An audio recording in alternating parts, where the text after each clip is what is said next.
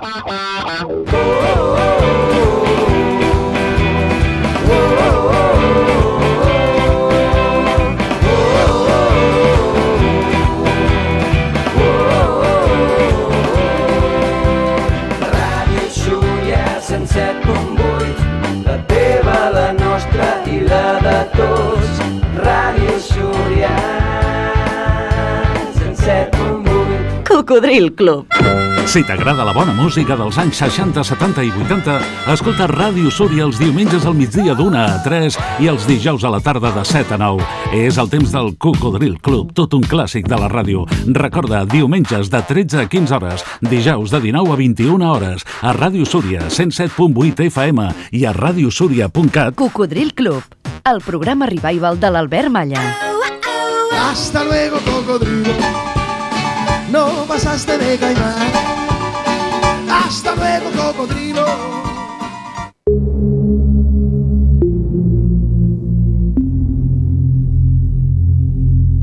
I recorda, Cada divendres a Ràdio Súria, Fórmula Gian, de 7 de la tarda a 9 del vespre. amb el gran Àngel Gian.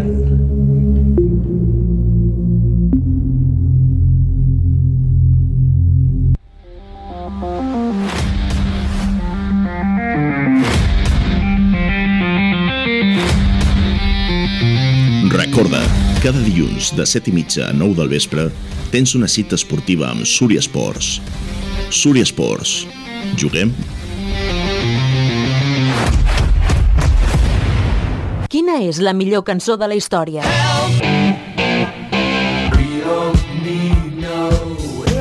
Descobreixo a Rock and Classics. A Rock and Classics podràs fer un autèntic viatge en el temps i redescobrir els grans èxits de cada dècada, els millors discos, les cançons més famoses, la història dels artistes més emblemàtics amb referència al context social de cada època. Sau, ACDC, Beatles, Police, Loquillo, Bob Dylan, tots els estils més punxats s'uneixen a Rock and Classics. T'espero els divendres, a les 10 de la nit, a Ràdio Súria. Rock and Classics, amb Esteve Llop.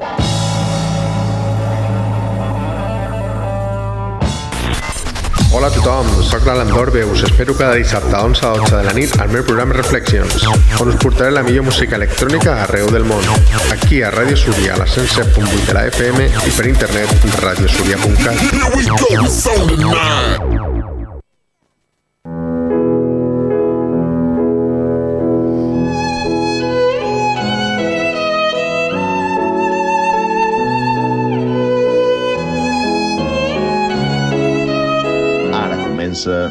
Històries de Súria, el programa que ens farà viatjar en el temps per conèixer la història de Súria, del nostre entorn, dels nostres avantpassats i de tot el que té a veure amb el nostre poble en la seva història, que és la nostra història, no ens oblidem. Dirigit per l'Àngel Gian, copresentat per Robert Fàbrega i l'Àngel Gian. Basat en l'arxiu històric del gran escriptor de Súria, el gran Albert Fàbrega Enfedaki. Avui,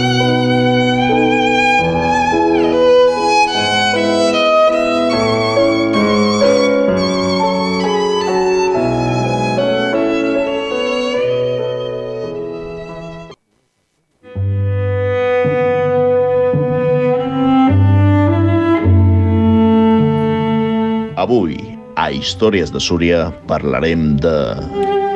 La Torre de la Pobla, capítol 11.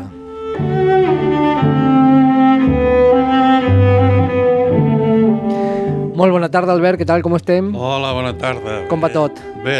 Bé? Sí. Bé la, la setmaneta bé? La setmana bé, de moment no ens ha agafat cap tall de carreteres.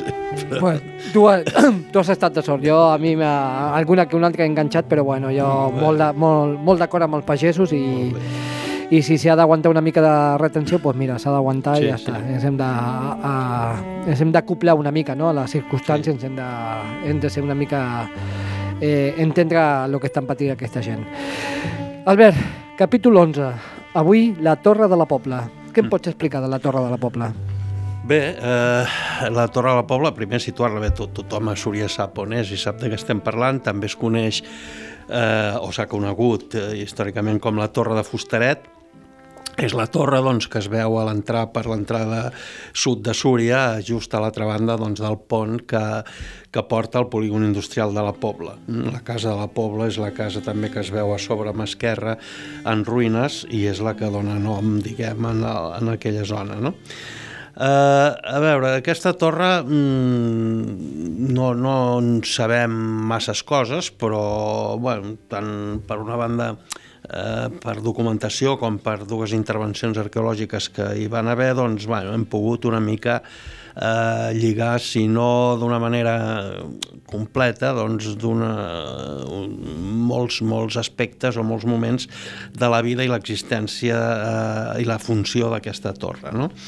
De fet, mm, eh, les excavacions que es van fer allà ja tenen uns quants anys, es van fer l'any 2001, és a dir, ja fa doncs, eh, pràcticament 23 anys. Eh, es va fer una primera campanya a finals, eh, l'última setmana de maig i la primera quinzena de juny del 2001 i després es va completar ja el que faltava extensivament entre el 2 d'octubre i el 6 del novembre del, del mateix any.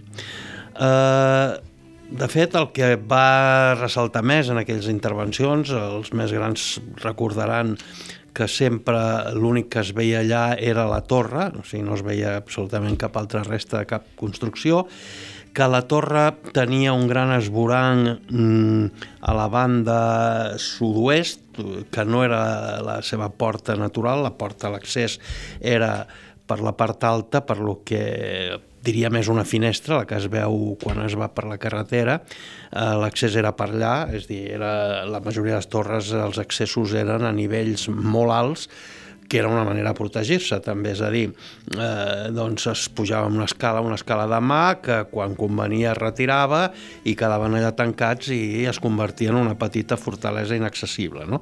Aquell esborang es va obrir, es va rebentar posteriorment, quan ja era abandonada, doncs, per, per accedir-hi qui fos que, que volgués eh, buscar el que fos allà dins. No?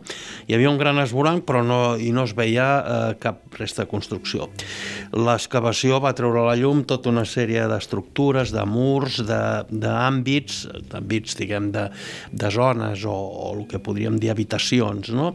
d'un... Mm, d'alguna manera d'un habitatge, com comentarem ara també, i com va passar moltes torres i castells, quan va perdre la funció militar, doncs aquesta construcció va passar simplement a ser un mas, eh? un mas que es va, conèixer, es va conèixer com el mas de la selva, del qual també ara després en parlarem una mica. Eh, de les construccions que van sortir a la llum, incloent-hi la torre, doncs eh, es van detectar diguem, quatre moments o quatre fases. No? La, part, la part més antiga, que seria la pròpia torre, eh, es dataria doncs, al segle XI, és dir, els anys 1000, 1000 i escaig, no? en el moment en què encara hi ha una forta eh, diguem, una forta conflictivitat en el territori en què doncs, les torres i castells tenen una funció essencialment militar, no? en molts casos eh, castells i torres de frontera, no tant com s'ha dit a vegades, de frontera amb els territoris musulmans, amb els serraïns, sinó en realitat tot això, aquests castells i, i torres inicialment són frontera, però són frontera comtal, o sigui, bàsicament tenen eh, la funció de frontera entre el comtat de Barcelona i el comtat de Cerdanya-Berga. Molt aviat, al llarg del segle, pràcticament ja en el segle XII, que seria la segona fase eh, que es va detectar en les construccions de la Torre de la Pobla, en el segle XII perden ja aquesta funció militar perquè doncs, el comtat de Cerdanya-Berga ja està unit al de Barcelona, per tant ja la frontera aquesta deixa diguem d'existir i passen a tenir a adquirir una funció doncs, pròpia d'una explotació agrària, agropecuària, doncs d'un mas, en poques paraules. No? Eh, els primers residents doncs, que eren cavallers, milites, no? que eren els encarregats, o sigui, soldats, no? militars que d'allò, eh, donen pas doncs, ja, diguem, a, a pagesos que doncs, viuen allà i fan funcionar eh, aquells espais com un mas. Mm? Hi ha una tercera fase al segle XIII d'algunes construccions i una última fase al segle XIV. També el que té d'interès tot plegat és que al segle XV allò ja està abandonat, eh, inclús la funció de mas ja ha desaparegut, ja és una ruïna. A finals del segle XV això ho comentarem ara una mica més extensament, no? però a finals del segle XV hi ha un procés eh, molt general a tot Catalunya, però especialment també a lo que era llavors ja el Ducat de Cardona, eh, d'amortització de masos. És a dir, eh, molts masos, per diferents circumstàncies, és a dir, hi ha, essencialment hi ha una crisi de població, no? és a dir, es, eh, la població disminueix molt, molts masos es queden sense ningú, eh, es queden, doncs, no, no, no hi ha pagesos per portals, no es troben, no hi ha eh, població o nous pagesos per establir-hi, i llavors l'única manera de tirar endavant és amortitzar aquests masos eh, unint-los a altres masos que sí que tenen gent per tirar-los endavant. Eh, aquest procés, les causes d'això, d'aquesta crisi, doncs en bona part són les pestes, és a dir, els episodis de pesta negra que comencen el 1348, el primer episodi, però que després periòdicament es van repetint, eh, i això provoca, és a dir, són episodis amb una gran mortaldat, i provoca doncs, això, que fins i tot en molts masos es mori tothom i sobretot doncs, que no hi hagi població per tornar-los a establir.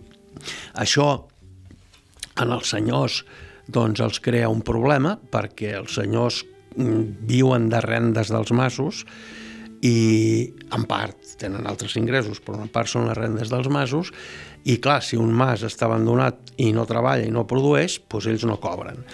Per tant, el que els interessa és que hi hagi algú, com que no hi ha gent, doncs el que fan és unir-los a altres masos eh, propers en què sí que hi ha gent i que els poden tirar endavant. No? Eh, aquest procés a Súria està molt ben documentat a finals del segle XV, sobretot, cap a l'any entre 1495 i 1499, en què tota una sèrie de masos eh, diguem, no és que desapareguin, d'alguna manera s'hi desapareixen perquè deixen, es converteixen en el que es diran masos rònecs, és a dir, deixa de viure gent, s'integren altres masos, i aquest és el cas de la, que era llavors la Torre de la Pobla, que de fet llavors era el Mas Selva, que ens en parlarem, que eh, el duc de Cardona l'amortitza i l'uneix al Mas de Reguant. Per tant, doncs la Torre de la Pobla a partir d'aquell moment passarà a formar part, diguem, de les terres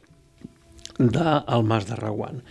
Eh, tot aquest procés, mm, i el que era en el seu moment, quan va funcionar com a torre, quan era habitat, i com a mas, el que es van trobar són, com deia, eh, quatre àmbits, mm, alguns amb una funció clara, altres mm, no tant. No? Eh, a la banda sud s'hi van detectar dos, dos àmbits, dues habitacions, una adossada a la pròpia torre. Eh, allà i el que hi va aparèixer va ser una quantitat molt important, un munt molt important de calç. Mm, bé, mm, quina finalitat tenia? Era molta calç només mm, per pensar en, en reparacions i arranjaments de la pròpia casa. No? Per tant, és molt probable, és molt probable que una de les activitats de, en aquells moments del Mas de la Selva, a part de conrear les terres i de tenir més o menys bestiar, fos també el comerç de la calç i que tinguessin un petit, diguem, eh, magatzem, per dir-ho així, que es dediquessin a fabricar calç i a vendre-la. Eh, això no, diguem, no ho podem afirmar rotundament, però el volum de calç que va sortir allà, de calç eh, viva en aquell moment, és a dir, encara no s'havia utilitzat, no? eh, era prou gran com per pensar que allò tenia una funció no exclusivament de, eh, per reparacions domèstiques. No? Eh, al costat d'aquesta habitació, d'aquest àmbit al sud, va sortir una altra habitació. Tot això actualment és visible i visitable, eh? tot això es pot veure. Eh, que aquesta clarament tenia una funció de cuina, perquè hi va sortir al mig un, una fogaina, una petita llar de foc situada al mig de l'habitació i en la banda, la paret nord, la que donava a l'àmbit anterior que hem esmentat, van sortir clarament el que devien ser eh, uns fogons perquè era pedra que es veia molt cuita de que s'hi havia fet foc i tenia l'estructura de lleixes doncs, d'una doncs, cuina. Per tant, allò segurament era l'espai a més on es devia fer la vida, és a dir, doncs, la cuina, la llar de foc, etc. No? Al costat d'aquestes dues, a la banda de llevant, hi havia un altre àmbit que estava parcialment... Eh, dir, se l'havien dut al riu, perquè aquest segurament va ser també un dels problemes que va patir eh, aquest edifici. És dir, allò és, és a prop del riu, quan el riu portava vingudes fortes, segur, era bastant clar que es va anar menjant part de, de, per aquella banda, part de les terres, i de fet faltaven tots els murs i totes les parets d'aquesta banda del riu que segur que s'havien esfondrat, que se l'havien dut al riu. En aquest, en aquest àmbit s'hi van localitzar diverses sitges, eh, amortitzades, però que eren sitges com també han sortit i en vam parlar en el seu dia a, a les excavacions de Sant Pere al Puig, eh, que eren les sitges excavades a terra on s'amagatzemava el gra, i en aquest cas eren eh, plenes, o en bona part hi van sortir molts fragments de moles de molins trencades. Alguna també es va utilitzar a les parets per, per eh, arreglar, arranjar parets. Eh, això tampoc és excepcional perquè sabem que en aquesta zona del Cardener, a la part sud de Súria, entre més o menys eh, la fàbrica Badal, el que era el molí de Raguant, els molins de l'Areny, i pràcticament fins a Antius, en aquesta zona eh, s'hi havien, s'hi documenten en algun moment fins a set molins.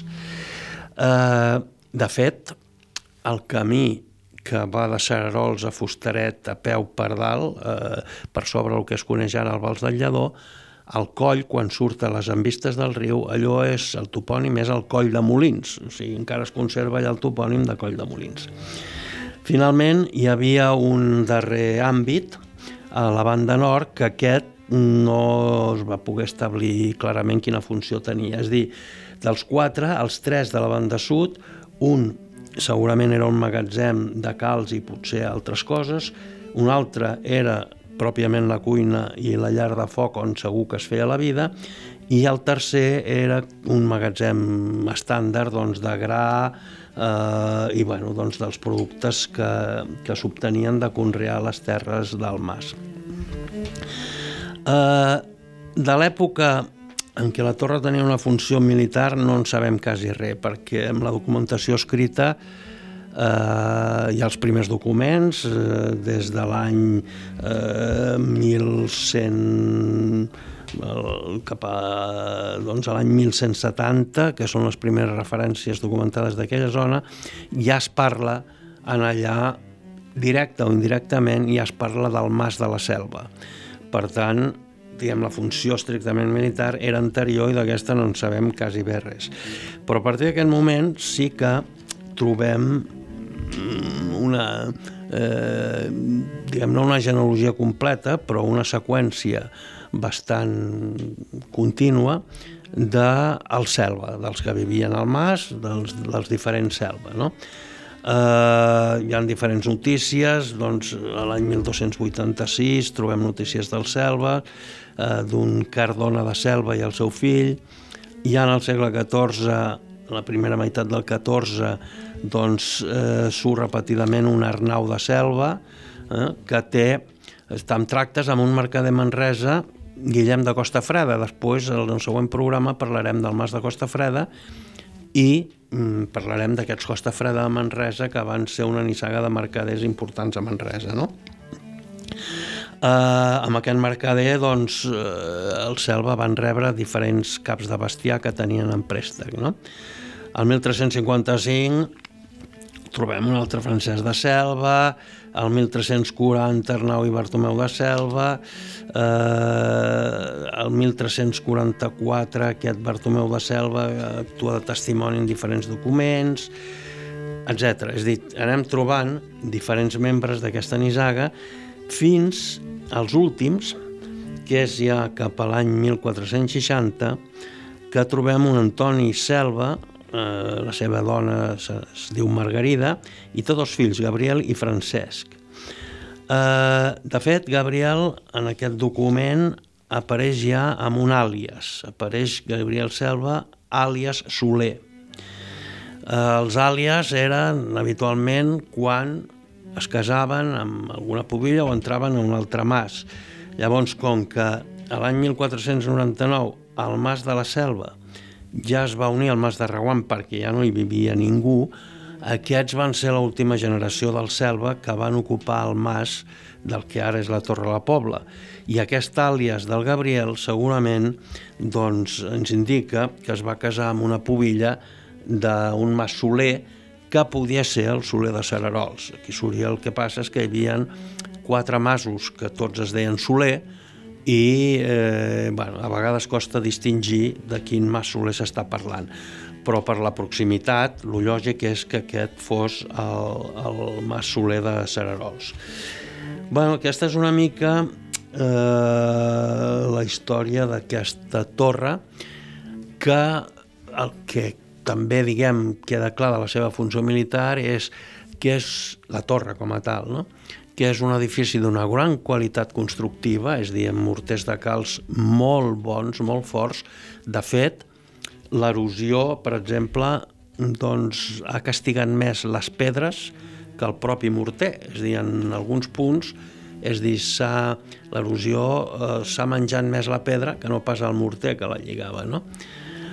Finalment, després de l'excavació, doncs, es va fer una petita restauració que va ser eh, tapar aquell esborant que s'havia fet posteriorment i al forat eh, s'hi va posar una porta, una porta de ferro eh, seguint una mica l'estructura de les filades de pedra. No?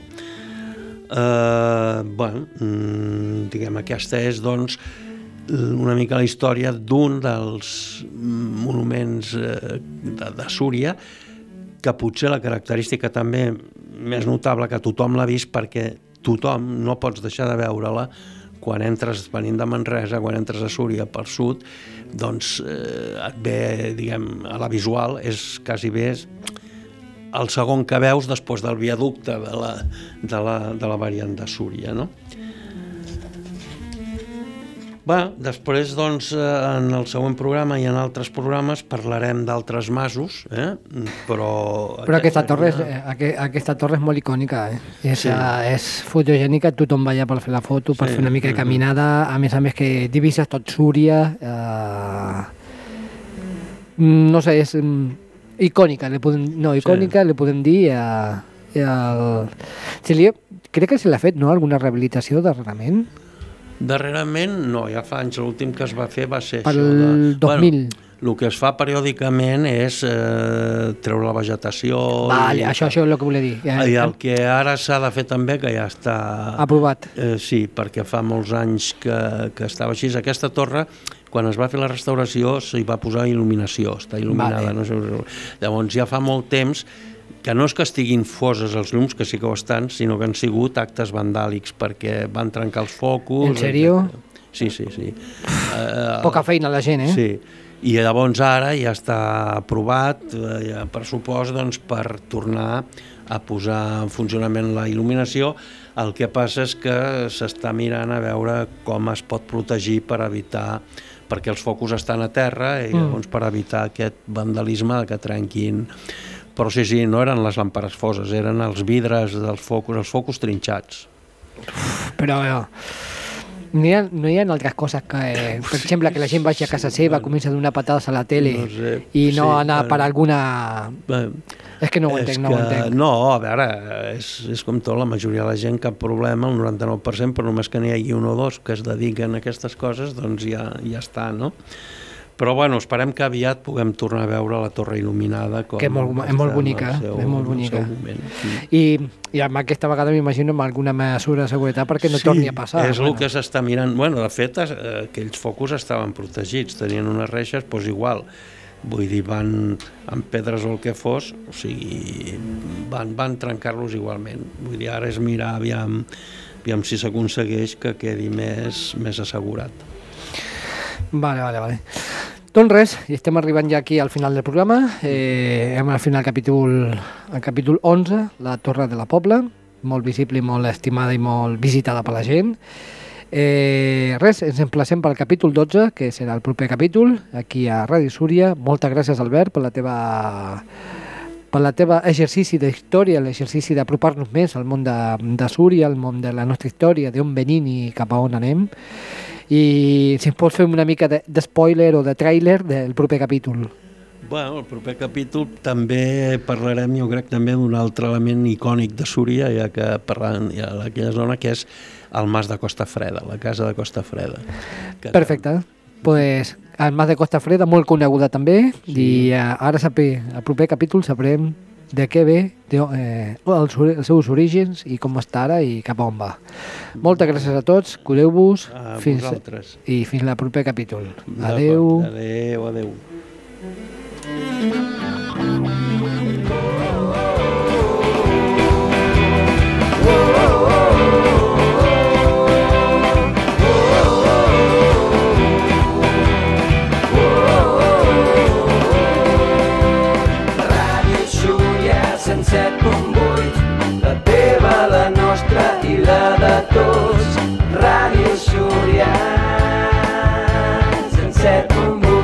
Això és Ràdio Súria.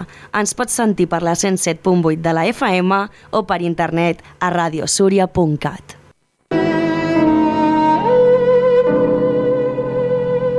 I fins aquí, Històries de Súria.